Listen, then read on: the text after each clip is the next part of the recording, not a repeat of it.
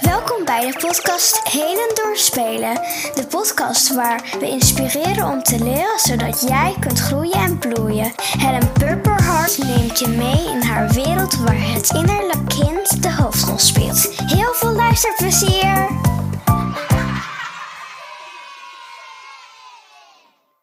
Super leuk dat je met mijn podcast eh, wilt meewerken.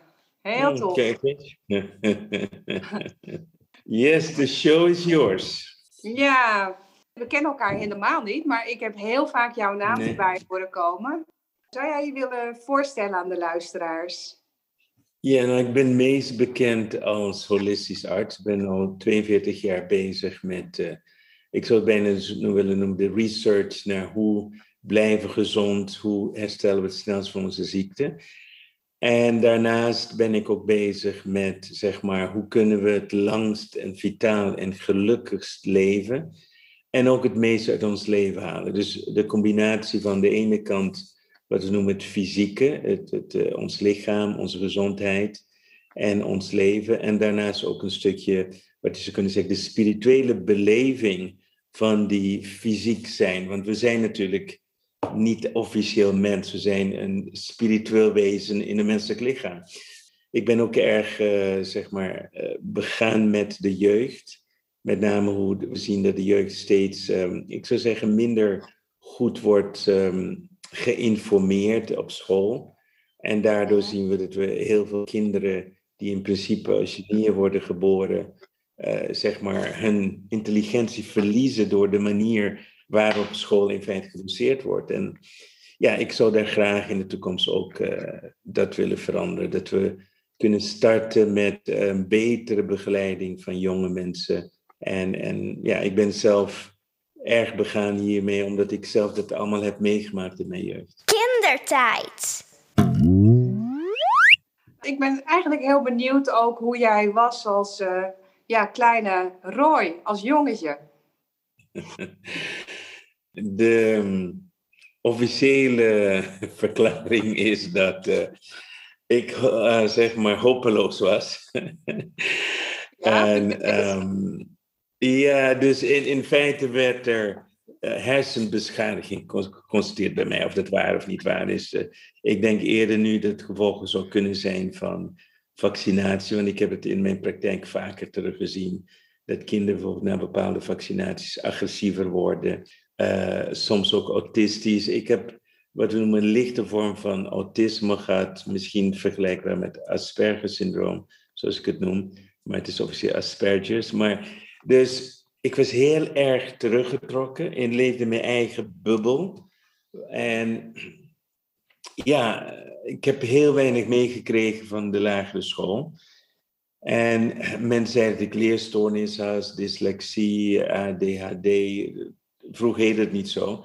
En ik werd gewoon uh, bestempeld als beschadigde hersenen. En de theorie was, omdat ik bij mijn geboorte de navelstreng om mijn nek had en, en blauw aangelopen was, uh, was dus de conclusie dat ik waarschijnlijk tekort aan zuurstof heb gehad en daardoor dat mijn hersenen niet goed functioneert.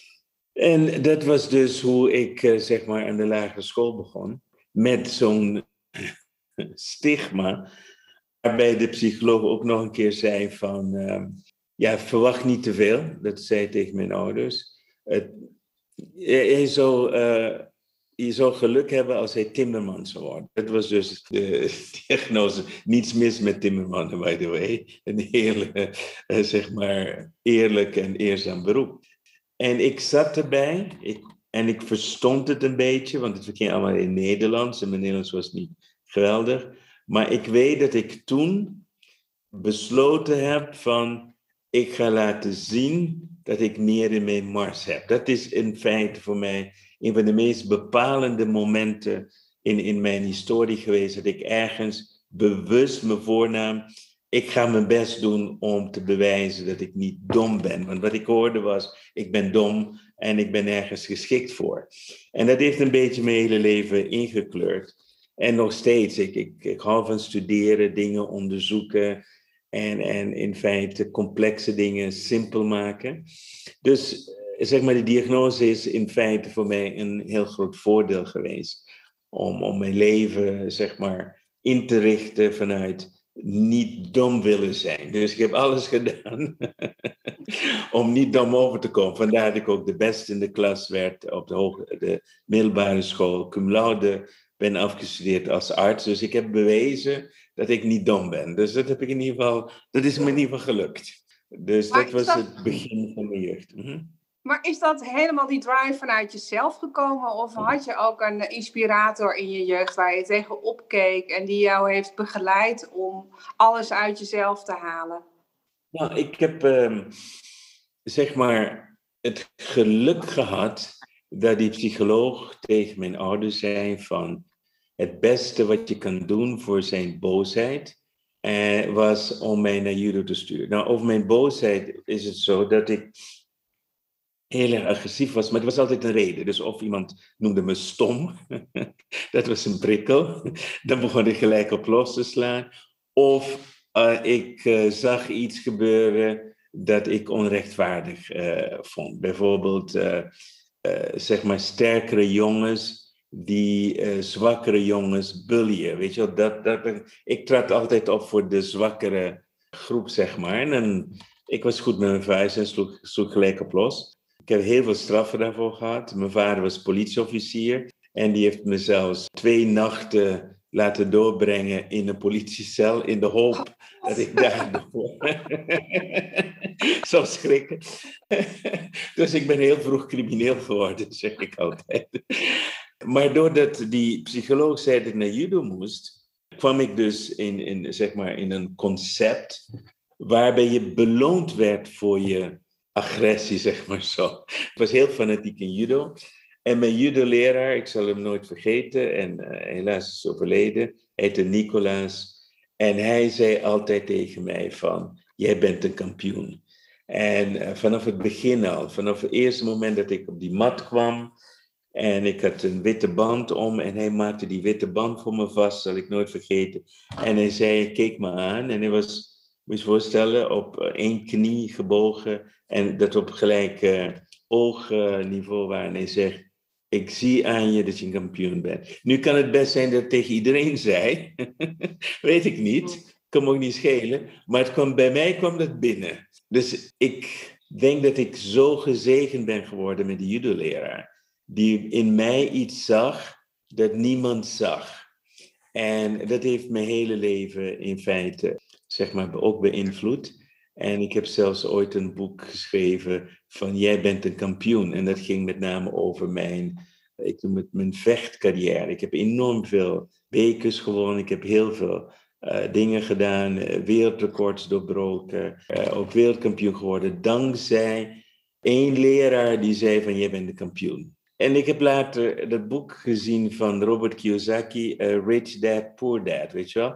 En, en bij mij was het ook zo, dat ik heb, ik heb dus in feite twee ouders, twee vaders. Eén was mijn vader, mijn vader was politieofficier, was druk, had geen tijd. Het belangrijkste voor hem was dat we goed uh, studeerden, want hij had zichzelf opgewerkt door, door hard te studeren en te werken. Had hij zich van zeg maar, straatagent opgewerkt naar politiecommissaris, hoofdcommissaris zelfs, en hoofd immigratiedienst. En hij was alleen maar over hard werken, studeren, leren, dan, dan werd je iemand. En mijn judo-leraar was de andere kant. En dat was fun. Het was sporten. Hij bracht me de liefde voor uh, het sporten bij. Maar ook discipline. Ook respect. En, en ook, weet je wel, uh, gewoon staan voor wie je bent. En ik denk die waarden, dat die, die voor mij heel bepalend zijn geweest in, in, in, in mijn leven. Gewoon om uh, respect te hebben voor andere mensen. Niet te voelen van dat ik meer ben dan een ander, maar dat we allemaal gelijkwaardig zijn. Alleen zijn we in verschillende fasen van onze eigen ontwikkeling. En dat is nog iets dat zelfs nu in mijn leven uh, me nog steeds bij is. Dat ik, weet je, dat ik met iedereen omga zoals ik denk dat uh, ik, hoe ik zeg maar behandeld wil worden. wat we noemen de golden rule. Treat someone else like you want to be treated yourself. Maar dat begon bij mij heel vroeg. En ook de, de, zeg maar het um, openstaan voor de Oosterse denkwijze. Dus, zeg maar in, in de in deze judo-sporten, later ook karate, uh, gaat alles om respect, ook voor je ouderen. Weet je wel, respect voor elkaar. Ook al vechten we met elkaar, maar er zijn regels in het vechten. En daardoor leer je ook op een andere manier om te gaan met je agressie, met je emoties. Maar ook te leren van uh, de, de wedstrijd die je niet hebt gewonnen. Natuurlijk wil je winnen, maar je waardeert als iemand beter is dan jij. Uh, je ziet tegenwoordig in, in de sport heel vaak van, ik zou zeggen, bijna uh, niet respectvolle manieren met elkaar omgaan. Uh, maar dus in de judo, dat is anders dan boksen, gaat alleen maar om respect. Weet je, we, we, we groeten elkaar voor en na een wedstrijd. En voor de wedstrijd kunnen we vrienden zijn. In de wedstrijd knokken we voor de eer. En daarna zijn we weer vrienden. En dat vind ik een hele mooie filosofie. Ook, ook voor het leven. En het heeft enorm veel zeg maar, impact gehad in alles wat ik doe. Dat echt mijn fundering komt uit, uit de vechtsporten. Missie en visie. In mijn concept van een nieuwe vorm van scholen is de Oosterse sporten zijn heel belangrijk. Of het nou yoga is of judo. Maar het leren respectvol omgaan met anderen. En in yoga leren respectvol omgaan met je lichaam. Die twee dingen samen vormen zo'n sterke basis voor jouw eigenwaarde en zelfvertrouwen voor je hele leven. En ik denk dat, dat ik dat iedere kind zou toewensen als deel van hun uh, uh, curriculum op school.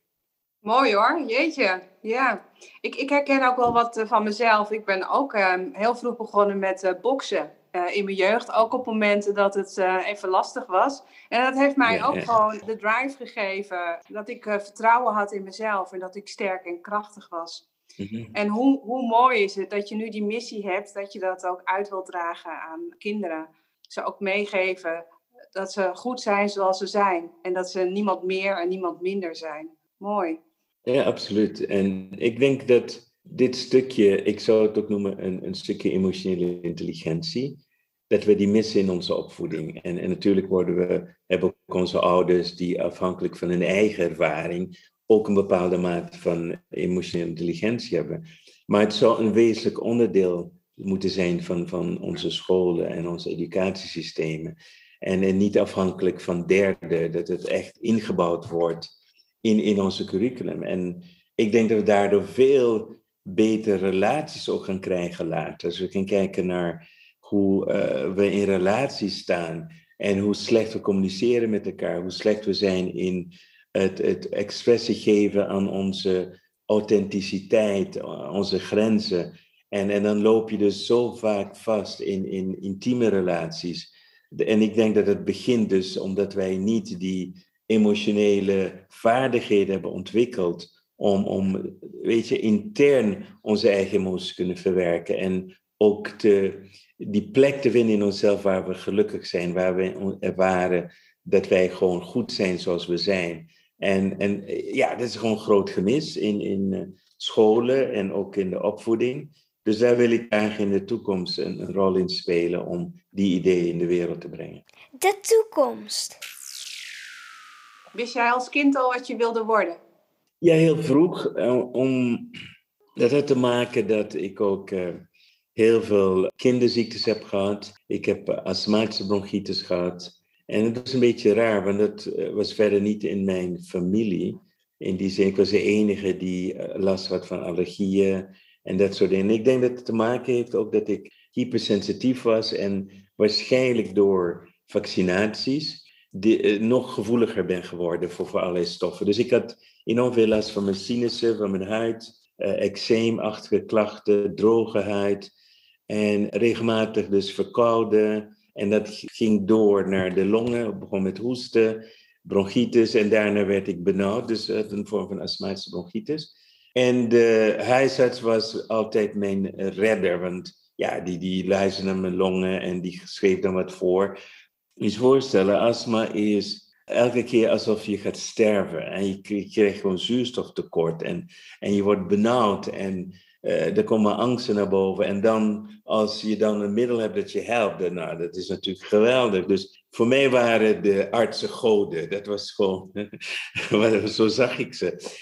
En ik uh, wilde al vanaf mijn vierde, vijfde, wist ik dat ik dokter ging worden. En we hadden vroeger van die deurknoppen. Er was een soort ivoren witte deurknop, een beetje ronde knop. En ik liep altijd rond en was mijn stethoscoop, weet je wel. Dan ging ik ging bij... en ik weet nog dat ik uh, tussen mijn zes en zeven heb ik mijn eerste operatie gedaan op een hagedis. En uh, die heb ik eerst uh, knock-out geslagen met mijn katapult. En daarna open uh, borst, thorax operatie gedaan. En daarna ook weer netjes gehecht. En de patiënt heeft het overleefd, moet ik zeggen. Nee joh, echt? ja, ja, ja. Een verhaal, hè? Op een gegeven moment kwam ik ook achter dat, ja, mijn vader was, uh, een heel groot gezin. We waren, uiteindelijk waren we acht kinderen. En we hadden het niet echt breed of zo. Mijn vader was zeg maar gewoon ambtenaar, politieagent. Uh, er was op geen enkele manier dat hij mijn studie kon betalen. Dus in de middelbare school wist ik dat de enige manier om van het eiland af te komen, we leefden toen op Aruba, was dat ik een studiebeurs zou krijgen. Dus ik ben uh, als een gek uh, gaan studeren om dus met één doel, studiebeurs en arts worden. Dat was, mijn, dat gewoon mijn, mijn droom. En dat is me ook goed gelukt. En later wilde ik ook nog piloot worden. Heel veel reizen. Nou, dat is me allemaal goed gelukt. Ik ben geen piloot geworden, maar ik reis wel heel veel. Dus uiteindelijk zijn mijn dromen waar geworden. De enige uitdaging was dat toen ik uiteindelijk uh, arts werd, ik wilde chirurg worden, maar door een zwaar auto-ongeluk, uh, waarbij ik mijn nek heb gebroken, kon ik uh, niet meer opereren omdat ik trillende handen had. Ben ik uit pure ellende mijn huisarts geworden. Toen kwam ik erachter dat zeg maar de westerse geneeskunde, die ik had geïdoliseerd en, en, geïdealiseerd, ja, dat was alleen maar puur symptomatisch. Dus het was niet echt genezen. Dus ik, ik voelde me enorm gefrustreerd. En uiteindelijk, doordat mijn fysiotherapeut mij echt bijna prekend zei dat ik naar acupuncturist toe moest, waar ik niet in geloofde, maar uiteindelijk toch wel heb gedaan om van het gezeur af te zijn. En dan bleek dat acupunctuur mijn klachten binnen drie, vier behandelingen had uh, verholpen. En mijn trillende handen waren weg. Daardoor ben ik dus in de acupunctuur geïnteresseerd geraakt. En ben ik dus na zeg maar een jaar huisarts te zijn geweest, ben ik acupunctuur gaan studeren. En dat heeft mijn hele pad veranderd. Nu was ik dus afvallige van de gewone geneeskunde. En, en daar word je enorm voor uh, beschimpt, bespot en afgemaakt. Hè? Dus... Uh, dus bijvoorbeeld in Nederland de Vereniging tegen Kwakzalvers, die had mij als doelwit nummer één, hoe bekender ik werd, hoe meer mensen ik genas, hoe meer zij mij, zeg maar, probeerden naar beneden te halen. Het lijkt wel een wit jassenmafia. Ja, ja, ja, het lijkt niet zo. Het is gewoon zo.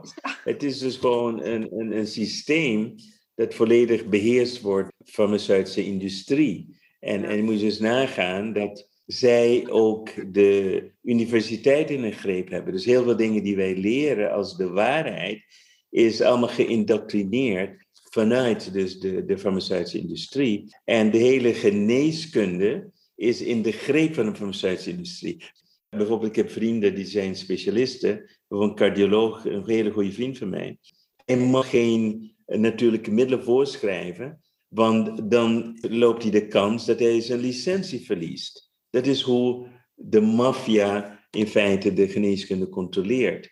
En ja, mensen in Amerika, ik heb heel veel vrienden daar die nog eens geneeskunde zitten, die ook hun uh, licentie zijn kwijtgeraakt. Mensen die, artsen die kanker genezen met natuurlijke middelen, verliezen gewoon hun licentie. Dus ja, we leven in de maffia. Maar goed, ik ben uh, gelukkig ontsnapt op uh, vroege leeftijd. En nu ben ik zeg maar 42 jaar verder. En ik heb geen moment spijt van de weg die ik heb afgelegd. Eigenlijk begonnen is door de schade toegebracht waarschijnlijk door de vaccinatie. En dus is wel het mooie cirkel. Daardoor ik astmatische bronchitis kreeg, allergieën enzovoort. En ook een beetje, eh, zeg maar, autistisch, introvert, dyslectisch enzovoorts ben geworden. Dat dat in feite de basis is geweest voor, voor mijn carrière ook om te willen onderzoeken hoe ik mensen kan genezen. Vandaar ook mijn enthousiasme en passie voor kinderen met leerproblemen, emotionele problemen en autistische kinderen en, en dat soort dingen allemaal. Dat heeft allemaal te maken natuurlijk met mijn eigen verhaal. En het is wel mooi om zo terug te kijken naar je jeugd en te zien hoe de rode draad zo loopt. En ik geloof 100% dat er van boven, dat, dat er daar gestuurd wordt. Want ik kan dit allemaal niet zelf verzinnen. Er wordt ingegrepen op het juiste moment. En je wordt zo in een labyrint wordt je begeleid dat je daardoor zeg maar op je zielenpad uh, terechtkomt. Daar geloof ik heilig in. Ja, mooi. En, en ook hoe je net vertelt, hè, dat je op vierjarige leeftijd dus al die, die wens had. En hoe mhm. die zich in de loop van jouw eh, leven zich heeft gemanifesteerd. Als ik jou zo zie voorbij komen en, en als ik podcast van jou uh, luister, dan is dat ook echt een, een, een, heel groot ding in jouw leven. En je bent nu heel erg met de kwantumfysica bezig, hè? En ook het manifesteren van, uh, van wensen. Ongeveer tien jaar geleden ben ik in aanraking gekomen met de kwantumfysica. Maar niet alleen vanuit, zeg maar, de, de studie zelf, maar het ervaren. En het ervaren daarvan leerde, heb ik eerst geleerd in hypnose. En omdat je in hypnose jezelf kan verbinden met alle informatie in het veld. En op een gegeven moment heb je die hypnose niet meer nodig. Je leert gewoon door zeg maar, bepaalde dingen in je hoofd te doen, kun je in het veld verbonden te zijn. Dus ik ben, eh, aan de ene kant heb ik de wetten bestudeerd van de kwantumfysica. En daarnaast heb ik tien jaar, heb ik dagelijks in het kwantumveld vertoefd. Dus ik ben ook een ervaringsdeskundige. En het is heel simpel. Als jij iets wil creëren in je leven, dan bestaat het al. Het enige wat je hoeft te doen, en dit is het moeilijkste, is te worden de persoon die dat heeft gemanifesteerd. Dus eh, laat een simpel voorbeeld nemen. Je wil uh, zijn, heel veel geld hebben, wat de reden ook, maakt niet uit. Maar je moet je dan afvragen, wie is dan die persoon die mega is? Dus je moet in feite reizen naar de toekomst waar je mega rijk bent. En jezelf afvragen, wat doe ik anders? Hoe denk ik anders? Hoe gedraag ik me anders? Wie ben ik dan? En als je die persoon kunt worden, dan komt het vanzelf naar je toe. Dus je hoeft het niet, uh, je hoeft niet te gaan verzinnen. Je hoeft niet, um, zeg maar, echt hard voor te werken. Het komt moeiteloos naar je toe. En dat fascineert mij enorm. En na tien jaar hiermee bezig geweest, ben ik uh, ongeveer anderhalf jaar geleden begonnen om deze techniek ook aan anderen te leren. Omdat wij, mijn vrouw en ik, dit ervaren in ons leven. Hoe wij, zeg maar, door het leven gaan vanuit die kwantumfysica-principes is zo moeiteloos. En dat willen we graag ook aan andere mensen leren. En daarom zijn we begonnen met cursussen te geven. We geven een kwantumhypnose. We geven ook wat noemen quantum voyages. We leren mensen hoe, zeg maar, die persoon te worden, wat wij noemen de beste versie van jezelf. En wat ik van mijn vader heb geleerd, dus eh, mijn, mijn echte vader, is dus je moet hard werken. En alleen als je hard werkt ben je succesvol. En wat leren we in de quantum fysica is juist tegenovergestelde. Het is juist toelaten in plaats van het najagen. En dat creëert een heel andere energie. Dus we zijn veel meer bezig intern onszelf sterker te maken en minder bezig extern hard te werken. En dan zie je hoe die twee werelden, intern en extern, spiegelbeelden worden van elkaar. Dus dat vind ik echt heel mooi dat in quantum eh, zeggen ze, alles wat er buiten jou gebeurt, is een gevolg van wat er binnen in jou gebeurt. Dus wat jij in je leven aantrekt, of je dat bewust of onbewust doet, maakt niet uit, maar je trekt de dingen aan die je nu in je leven hebt. Als je dat niet bevalt, moet je iets veranderen intern, waardoor je andere dingen aantrekt. En die principes zijn gewoon fabelachtig om toe te passen in het leven. Ja, prachtig. Het lijkt een beetje op de creatiespiraal. Dus je kan creëren inderdaad met je mind uh, wat je wil, maar je kan ook terechtkomen in een negatieve spiraal. En dan creëer je precies het tegenovergestelde. ja, ik denk dat er de meeste verschillen met de andere systemen. Want alle systemen hebben in principe, laat het zo zeggen, principes uit het kwantumveld. Dus als je de kwantumwetenschap is de alles bepalende wetenschap. Spiritualiteit is een afgeleide van de kwantumwetenschap. Het is meer een subjectieve invulling van de wetten. En het, maar het moet beginnen. De eerste stap is te beginnen om te stappen uit je box, je doos van beperkende overtuiging. Dus wanneer we kijken naar de meeste systemen, uh, gaan de meeste systemen vanuit waar ik sta mank, omdat ze niet eens beginnen met de overtuiging, alles is mogelijk. En dus uh, de, wanneer we praten over wat is realistisch, in kwantum praat je niet over realistisch, want realistisch is een beperking van wat mogelijk is. Dus realistisch is als je het kan bedenken en een plan voor kan maken, dan zeg je, oké, hier heb ik een stappenplan, stap 1, stap 2, ik heb zoveel jaar nodig, ga ik het waarmaken. In kwantum is dat, eh, is dat niet zo. Je kan de dingen niet forceren. Je kan alleen maar diegene worden die je moet zijn en dan gebeurt het vanzelf. Er zijn zoveel werelden naast onze eigen wereld, zoveel meer dimensies, zoveel meer tijdslijnen. En alleen maar te weten dat de tijd zoals wij dat ervaren in ons lichaam niet bestaat buiten ons lichaam. En dat er geen, uh, zeg maar, vorige levens zijn. Er zijn alleen maar parallellevens. Er zijn geen toekomstige levens, er zijn allemaal parallellevens. En wanneer je dat begrijpt en internaliseert, kun je dus ingrijpen. En je kan dus zo ingrijpen in wat wij zien als vorige levens. Maar dat is niet zo belangrijk, want wat je doet in dit leven straalt uit naar alle levens dus het, het heeft eh, alleen te maken met één ding. Wie word jij in dit leven? Wat wil je daarmee doen? Wat is het verschil dat je wilt uh, uitmaken in dit leven? Wat wil je teruggeven? En de meeste mensen zitten nog van hebben, hebben, hebben. Ik wil dit, ik wil dat, enzovoort, enzovoort. De hebzucht is heel sterk. Maar het werkt vele malen makkelijker als je juist leert om te geven uit overvloed. En niet te geven vanuit een behoefte om aardig gevonden te worden, maar te laten overstromen.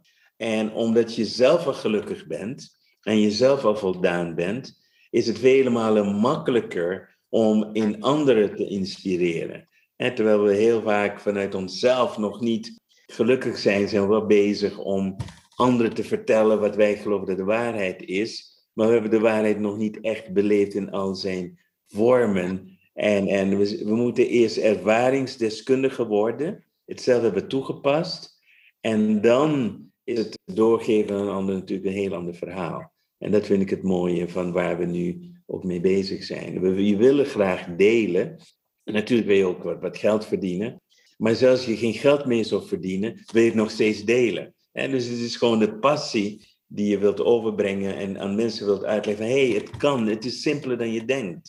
En dus het, is, het heeft te maken met je intentie. Wat wil je? Wat zijn jouw dromen? Wat zijn jouw hartenwensen? En van daaruit te gaan leven. Ik vind dat het mooiste wat er is. En je vertelt het ook zo met passie. En volgens mij kan je hier nog echt wel uren over doorpraten. Ja, dagen. ik ga er echt terug naar je kindertijd. Ja, natuurlijk. Uh, een heel groot sprong terug. Herinneringen. Wat is het spannendste wat je ooit hebt meegemaakt als kind? Ik zou zeggen, ik was een jaar of vier en half, vijf. En ik werd verliefd op de kleuterjuffrouw. Zij was de vrouw van mijn leven. en ik heb enorm veel moed moeten opbrengen om haar ten huwelijk te vragen. Dat vond ik heel spannend. Het was ook de, daarna de grootste afwijzing van mijn leven. Oh, wat zei ze dan? Nou, ze, ze, was heel aardig, maar ze probeerde me uit te leggen dat het niet zou werken. En even wat ik hoorde was, je wil niet met me trouwen. en daarna kwam ik thuis en ik uh, was heel verdrietig en ik vertelde mijn moeder. En mijn moeder was heel lief en aardig, maar ze kon haar lachen niet inhouden. Dus ja, ik voelde me ook nog helemaal beschaamd. Dat was echt, dat heeft zoveel impact op mijn leven gehad. En als ik dus nu terugkijk naar het proces, en ik heb in hypnose, ben ik ook nog een keer teruggegaan naar, naar dat stuk. Dat heeft enorme impact gehad ook op de rest van mijn leven, in intimiteit. Uh, dus zeg maar uh, bindingsangst en, en dat soort dingen allemaal. Dat hoe zo'n zo'n onschuldig traumatje toch een impact kan hebben op je leven. Oh, ja, dat heeft impact. En het, het rare was dat ik erachter ben gekomen toen ik dus naar een hypnotiseur ging en, en, en dus eh, realiseerde dat ik bindingsangst had. En wilde ik uitvinden waar, waarom dat was. En die heeft me gehypnotiseerd en teruggebracht naar het eerste moment dat er iets gebeurde waar die bindingsangst is ontstaan. En ik heb het helemaal opnieuw ervaren. Dus wat je net vroeg ook, het spannendste in je leven, echt dat ik zag dat ik dagenlang rondliep van hoe ik haar ging vragen om met me te trouwen en dat soort dingen En dan op een gegeven moment er was en dan in één keer dat je dan realiseerde dat het een nee was en, en hoe je daar de pijn en verdriet die je daarmee voelde. Het zou best heel goed kunnen als ik nu erover nadenk, dat het ook bij heeft gedragen naar, naar die boosheid die daar die later kwam omdat uh, zeg maar, je natuurlijk zo teleurgesteld bent en ergens boos bent. Dat, uh, ja, dat je zeg maar, geweigerd wordt, afgewezen wordt voor je grote liefde, zeg maar. Nou, dus dat was echt een, een heel mooi inzicht en impact op mijn leven ook. Maar dan het omgekeerde, waar zeg maar judo het positieve was, was dit het omgekeerde. En uiteindelijk heeft het allemaal wel weer uitgewerkt en daardoor ook in mijn benadering van de geneeskunde ook geleerd hoe belangrijk het is dat we goed uh, kunnen scannen wat zijn de mini-trauma's geweest in onze jeugd, die in feite heel veel van onze leven gaat bepalen later in ons leven. He, dus naar relaties toe en, en ook hoe we staan in het leven. Het allemaal begint in die eerste zeven levensjaren. Dat is, dat is fascinerend. Lastige emotie. Je had last in je kindertijd van boosheid, maar ook teleurstelling. En wat voor gedrag liet je zien? Ja, boosheid heb je denk ik net wel verteld, uh, dat je erop ja, los ging slaan. Ik was niet goed met, uh, met mensen, ook niet in mijn familie. Ik was een beetje een soort uitzondering. Ik zat heel veel alleen. Ik, ik vind het prima om alleen te zijn. Ik had een tijdje ook een hond. Dat was mijn trouwste vriend ik denk dat ik mezelf heb afgesloten een beetje voor, voor, voor de wereld. En, en ook me kwetsbaar op te stellen. Dus dat heb ik heel lang niet gedaan. In, in de zin van je emoties laten zien en, en dat soort dingen. Het was altijd dus een, een soort schild die ik om me heen heb opgebouwd. En natuurlijk met de vechtsporten eh, wordt het een stuk makkelijker omdat je daarin ook, jezelf goed leert verdedigen. Dus je staat anders in het leven. Maar ja, ik heb heel veel, ik zou zeggen, verdriet gehad in, in mijn jeugd. En me eenzaam gevoeld. In, uh, eenzaam in de zin van zelf gecreëerde eenzaamheid. En het niet begrepen worden door, door anderen. Dus, en daarmee zonder jezelf een beetje af. En, en dan ontsnapte ik in uh, wat ik noem uh, ja, dagdromen. Was voor mij. Het, waren, het was meer dan dagdromen. En ik denk dat dat al een eerste verbinding was met Quantumveld. Want ik had ook vriendjes die, die echt waren, die echt mij ook uh, informatie gaven. Zo ben ik ook door de lagere school heen gegaan, uh, zonder dat ik ooit heb opgeleid, zonder dat ik ooit heb uh, gestudeerd. Heb ik, wist ik alle antwoorden. En, maar ik wist ze niet. Ik had vriendjes weer die mij die antwoorden gaven. Dus ik was verbonden met een soort magische wereld waar ik continu de hele dag in was, behalve als ik sportte. Sporten was voor mij uh, de manier om in het nu te zijn. Dus ik, was ook, ik had van die trekken waar ik dus enorm uh, zeg maar discipline kon hebben. Ik ben tenniskampioen geworden, maar ik stond elke dag twee, drie uur gewoon een bal tegen een muur te slaan. Dat, dus zeg maar de monotonie en de herhaling van dingen.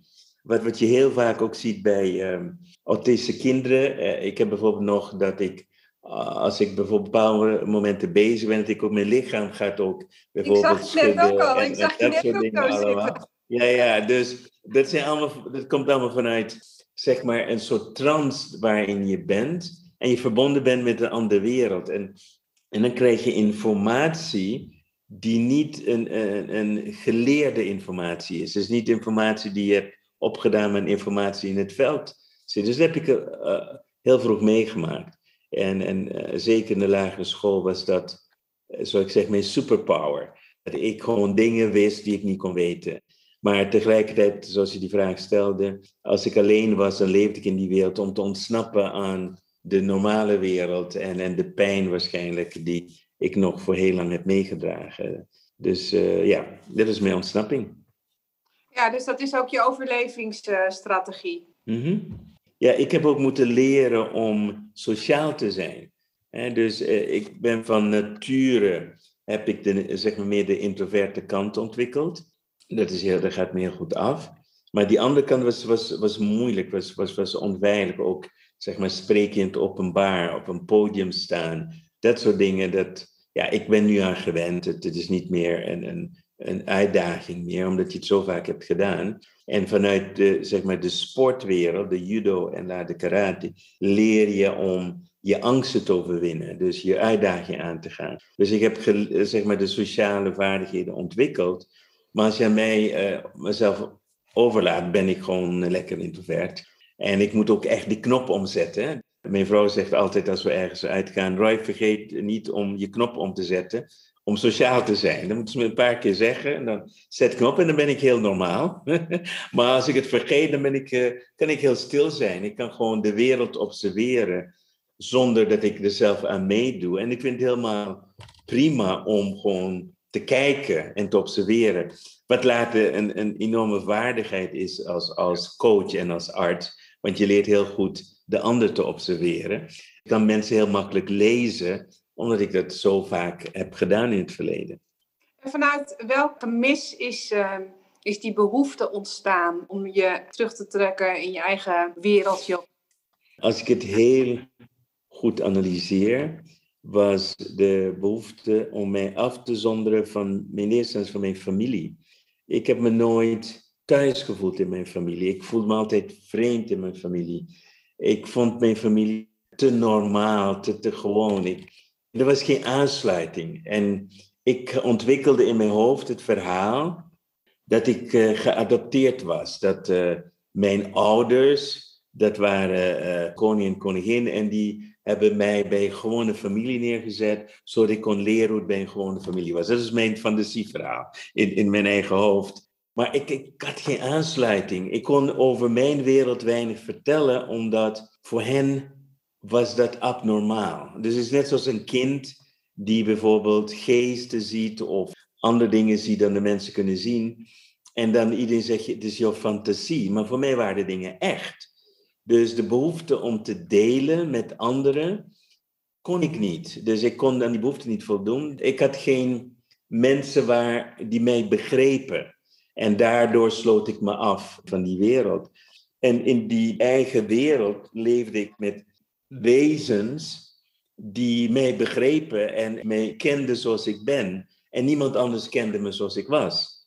En omdat ik het niet kon delen, mijn, mijn broertjes vonden me raar. Uh, mijn ouders konden er niks mee. Vriendjes konden er, of de mensen op school, die konden helemaal niks mee. Dus ik was zo'n paria, voelde ik me. Ik, ik zat ook heel vaak alleen en ik vond de dingen waar de anderen mee bezig waren, vond ik niet zo interessant. Vond ik boring, vond ik ja. Ik was gewoon uh, met andere dingen. Dus ik denk dat de behoefte om anderen te vinden die waren zoals ik, dat ik dat niet kon. En daardoor sloot ik me af voor, voor de rest van de wereld. Ik denk dat dat een beetje het verhaal is geweest.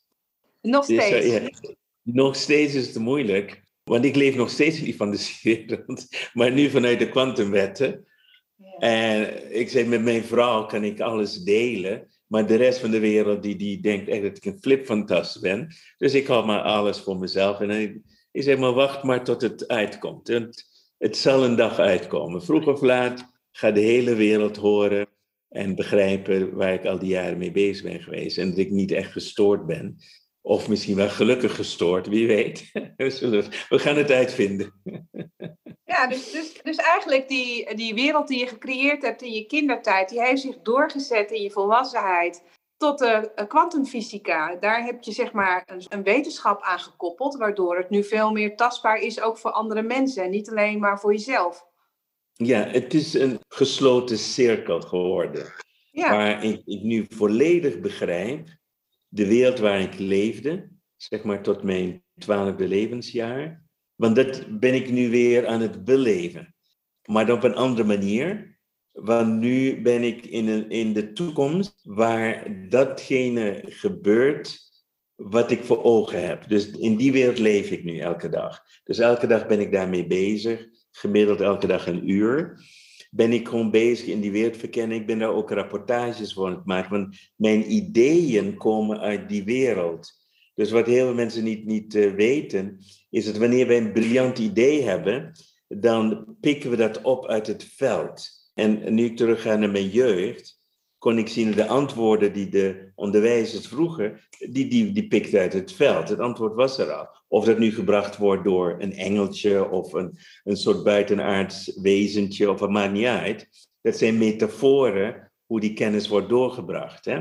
En nu ik meer weet van de kwantumfysica, kan ik er veel meer gericht mee omgaan. Het is nu de informatie, ik heb uh, al, al zo'n rapport van, van bijna 200 pagina's ik uitschrijven ben voor hoe de wereld eruit gaat zien wanneer er bepaalde dingen gaan gebeuren. Dus ja, ik heb nu die volledige cirkel uh, weer terug en dat, dat is fascinerend om, om het te begrijpen vanuit de wetenschap en te weten dat het geen fantasie was, het echt was wat ik toen meemaakte als kind. En heel veel kinderen leven in deze wereld, maar omdat ze geen aansluiting vinden in de driedimensionale wereld, want we kunnen dit de vijfdimensionale wereld noemen, leren wij ons aan te passen aan de driedimensionale wereld, waardoor wij het contact verliezen met de vijfdimensionale wereld. En die vijfdimensionale wereld is wat de spirituele mensen allemaal opzoeken. Alleen hebben zij daar eh, zeg, uh, meer een zweverige concept van gemaakt, terwijl het heel praktisch kan zijn. dus dat, dat je gewoon echt wat we noemen actiegerichte informatie krijgt waar je wel wat mee kan. Ik denk dat het groot verschil is waar ik nu mee bezig ben. Puberteit. Puberteit, dat is een fase dat je of helemaal meegaat in de lijn van je ouders, of dat je daar tegen afzet. Ja, gewoon een eigen weg inslaat. Nou, voor jou is het al duidelijk, dat heb je net al verteld, dat je al als kind al een vreemde eend in de bijt was. Mhm. Hoe is jouw puberteit verlopen? Mijn puberteit was, het begin was heel raar, omdat uh, ik kwam op de middelbare school, net in die fase, 12 jaar, en alles in je lichaam verandert, je hormonen veranderen. En wat er gebeurde was, in één keer was ik uit die vijfdimensionale wereld, was weg. Uh, en ik was terug op aarde. En ik voelde me mateloos hulpeloos, omdat zeg maar in de eerste drie maanden van, van de middelbare school ging ik van zeg maar de slimste van de lagere school, werd ik de domste in de klas. Want ik had geen, geen parate kennis. Dus ik had mijn eerste rapport, het was de laagste cijfers ooit die je kan halen. En ik noem het compassievolle vieren. Ik had allemaal vieren, omdat ze geen nullen gaven, maar ik wist helemaal niks. En dat bracht zoveel onzekerheid en ook maar, ja, hoe noem je dat? Laag zelfvertrouwen, uh, lage eigenwaarde, verlegenheid, bescheidenheid, uh, niet willen opvallen. Het enige waar ik goed in was, was sport. En uiteindelijk kreeg ik nog een cadeautje mee van de vijfde dimensie. Ik kreeg in één keer een, een bericht door dat ik alles wat ik moest leren, moest ik opnemen op audiobanden. En in die tijd hadden we die hele grote haspels waar je acht uur of langer kan opnemen. En ik nam alle materiaal op. En dan gedurende de nacht zet ik een koptelefoon op en dan ging ik gewoon slapen. En ik heb dus in feite, zonder te weten, heb ik een vorm van slaapleren ontwikkeld. En ik schoot dus van de domste in de klas naar de slimste in de klas. En, ik ben dus daardoor cum laude geslaagd voor de HBS. Ik heb ook een fotografisch geheugen ontwikkeld. Ik uh, snel lezen kon ik en, en dat soort dingen. Ik, in de vakanties las ik, las ik vier boeken per dag. En dus was een hele andere wereld kwam ik dus in. Maar het was nog steeds een geïsoleerde wereld in de zin van ik kon geen aansluiting vinden bij zeg maar mijn klasgenootjes. Hoewel ik wel een paar vrienden had die mij uh, probeerden op te nemen. En die vrienden waren allemaal mensen, moesten zien, er was op Aruba was er één middelbare school. En er waren twee soorten klassen op de middelbare school. Eén waren de rijke luisjongens. En er waren de meeste Nederlandse jongens. Hun ouders waren uh, vaak uh, Nederlanders, entrepreneurs. En die hadden het goed. En dan waren, was dus maar de gewone ambtenarenkinderen en, en dat soort dingen. En dat waren meer de Arubanen zelf. En die vormden een soort kliekje, omdat zij, zeg maar, tegen de rijke jongens. En ik werd opgenomen in de arme kring. Ondanks dat ik heel erg introvert was. Maar ik had wel begonnen wel wat vriendschappen te ontwikkelen. Maar ik keek altijd met vol jaloezie naar al die stoere binken, weet je wel, die andere groep. Dus dat maakt me alleen maar nog meer uh, verlegen. En in die tijd ontwikkel je ook natuurlijk belangstelling voor de andere seksen. En ik durfde helemaal niks. Ik heb, ik heb tot mijn zestiende, toen ik afstudeerde, ik nog nooit met een meisje gedanst. Hè? Dus kun je je voorstellen. En ik wist nog heel goed. Dus, jeetje. Ja, dat was echt. eh, niks Antilliaans aan. Eh, mijn eerste dans was op de feestje na de examen van de HBS, toen we allemaal geslaagd waren. En ik werd daar gevraagd door een meisje die ik had geholpen met examen. Dat eh, heel veel van mij gespiekt. Dus die kwam om mij te bedanken, kwam ze me vragen om te dansen. En dat was mijn eerste dans ooit, dus dat was... en ik vond het geweldig toen. En daarna ben ik afgereisd naar Nederland. En in Nederland kwam ik in een nieuwe wereld. En ik ben in feite ben ik opgegroeid in Nederland. Daar eh, was ik dus zeg maar een student. Ik, werd opge ik ging naar een studentenclub. En daar begon ik voor het eerst interesse te hebben in, in zeg maar mee te willen doen met anderen. Ik sloot me bij allerlei eh, sportclubs aan en ik was ook in de sociëteit. En de, toen eh, was het meer, ja, een, een beetje meer zelfvertrouwen ontwikkelen. Maar ik heb nooit die puberteit gehad van eh, het rebelleren of, of dat soort dingen. Het was meer het ontdekken van andere mensen. Het leren omgaan met anderen was voor mij meer de puberteit dan je afzetten tegen je ouders of wat dan ook. Maar daar had ik me lang al tegen afgezet. Want ik geloof niet eens dat mijn ouders waren. Dus, dus dat was wel. maar puberteit was voor mij de overgang van, eh, zeg maar, eh, heel verlegen, introvert, naar meer belangstelling voor de, voor de, de buitenwereld, wat daar gebeurde. En vrienden proberen te krijgen. In plaats van hen te laten begrijpen waar ik mee bezig was, was het meer te begrijpen waar zij mee bezig waren. Wat, wat doet normale mensen, wat doen zij? Waar zijn ze mee bezig? Dus voor mij was dat mijn puberteit, de ontdekkingsreis in de wereld van anderen. De toverspreuk. Stel nou eens voor dat je kon toveren en je tovert jezelf terug naar je kindertijd. Naar welke Mhm. leeftijd tover je jezelf dan? En wat zou je tegen kleine Roy zeggen? Ik denk dat ik terug zou gaan naar voor mijn huwelijksaanzoek aan mijn kleuterleidster. En gewoon aan mezelf de boodschap meegeven van, weet je, dat ik heel dapper en moedig ben, dat ik het durf te vragen, maar dat ik moet leren vragen zonder verwachtingen. Dat het gewoon vragen goed is, en, maar niet het, eh, de verwachting dat je ook een ja moet krijgen. Ik had graag die lef hebben willen behouden om te durven vragen. Want die was ik daarna kwijtgeraakt, om te durven vragen.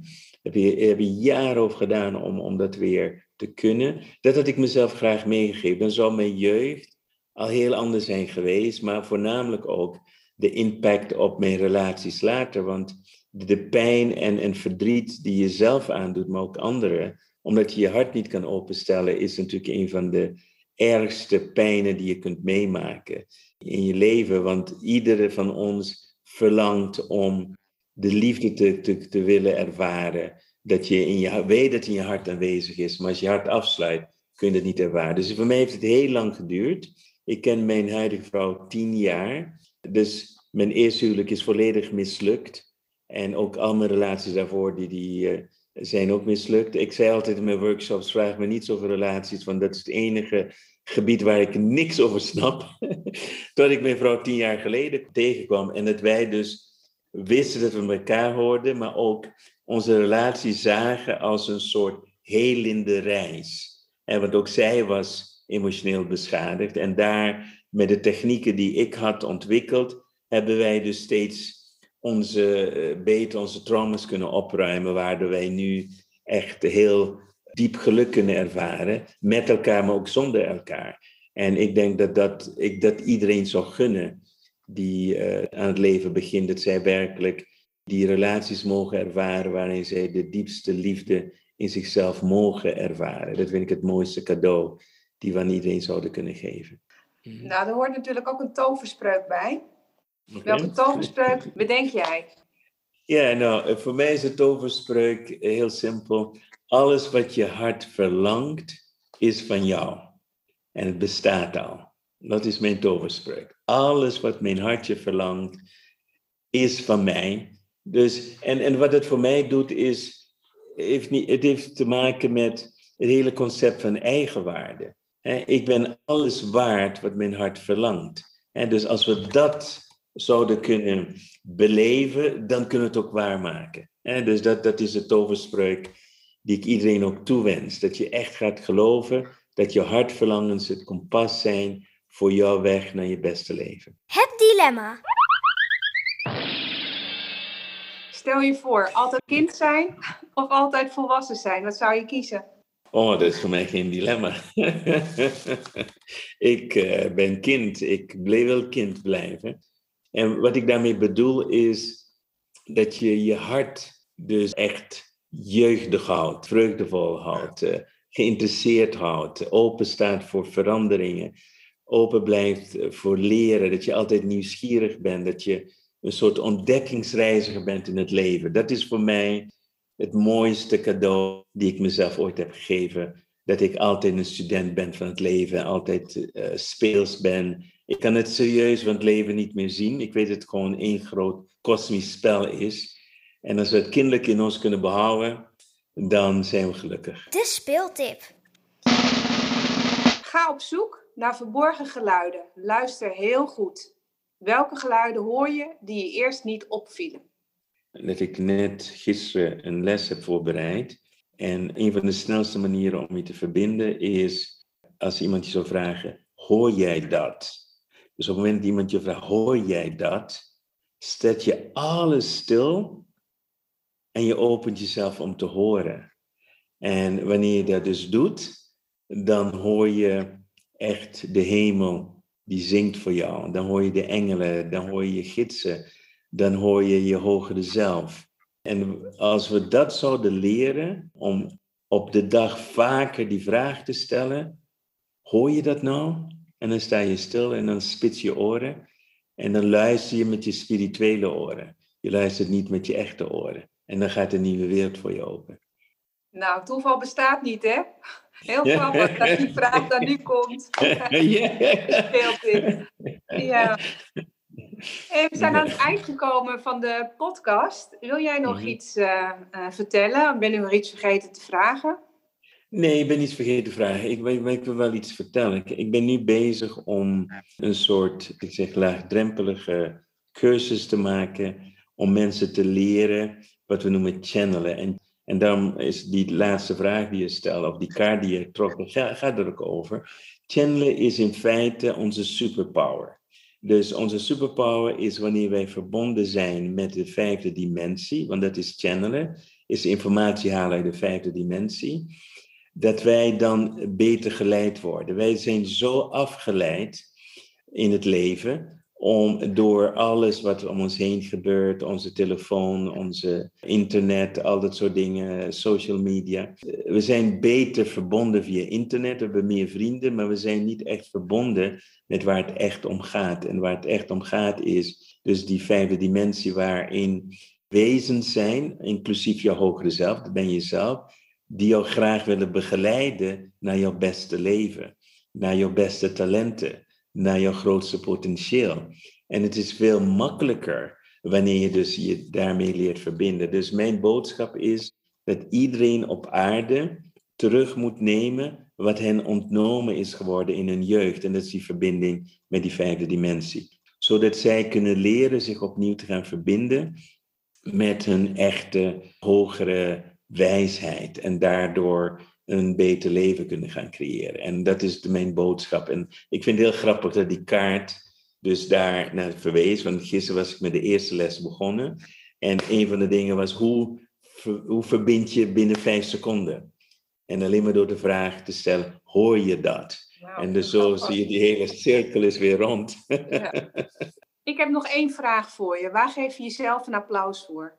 Ik geef mezelf een applaus voor mijn doorzettingsvermogen, voor mijn veerkracht. Dat ik, ja, heel veel mensen zien me als heel succesvol en dat is misschien zo. Maar elk succes komt natuurlijk met heel veel tegenslagen en uitdagingen. En ik ben iemand, ik sta elke keer weer op als ik gevallen ben, ik ga door.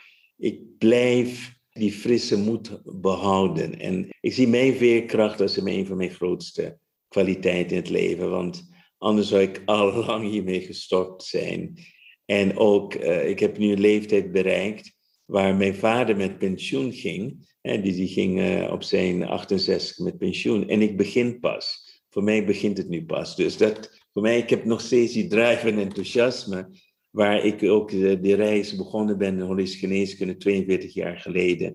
En ik ben zo blij met mezelf dat ik nog steeds die passie en enthousiasme heb. En nog steeds dat ook deel met anderen. Dat ik daar nooit meer stop. Dus ik ben onstopbaar. En dat vind ik geweldig.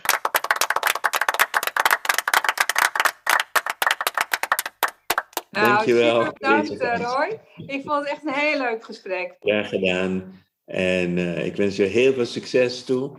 En ik vind het een hele leuke interview, een hele leuke podcast. Totaal anders dan alle andere podcasts. En het is je gegund dat je mag schitteren met je podcast. Dankjewel.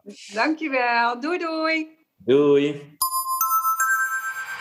Superleuk dat je hebt geluisterd naar de podcast. Hopelijk heb je nieuwe inzichten gekregen. Wil je nog meer inspiratie? Ga dan naar helendoorspelen.nl. Ben je enthousiast geworden over deze podcast? Het is tof als je de link van deze podcast doorstuurt. Delen op je social media en je review achterlaten kan natuurlijk ook. Tot de volgende aflevering. Doei!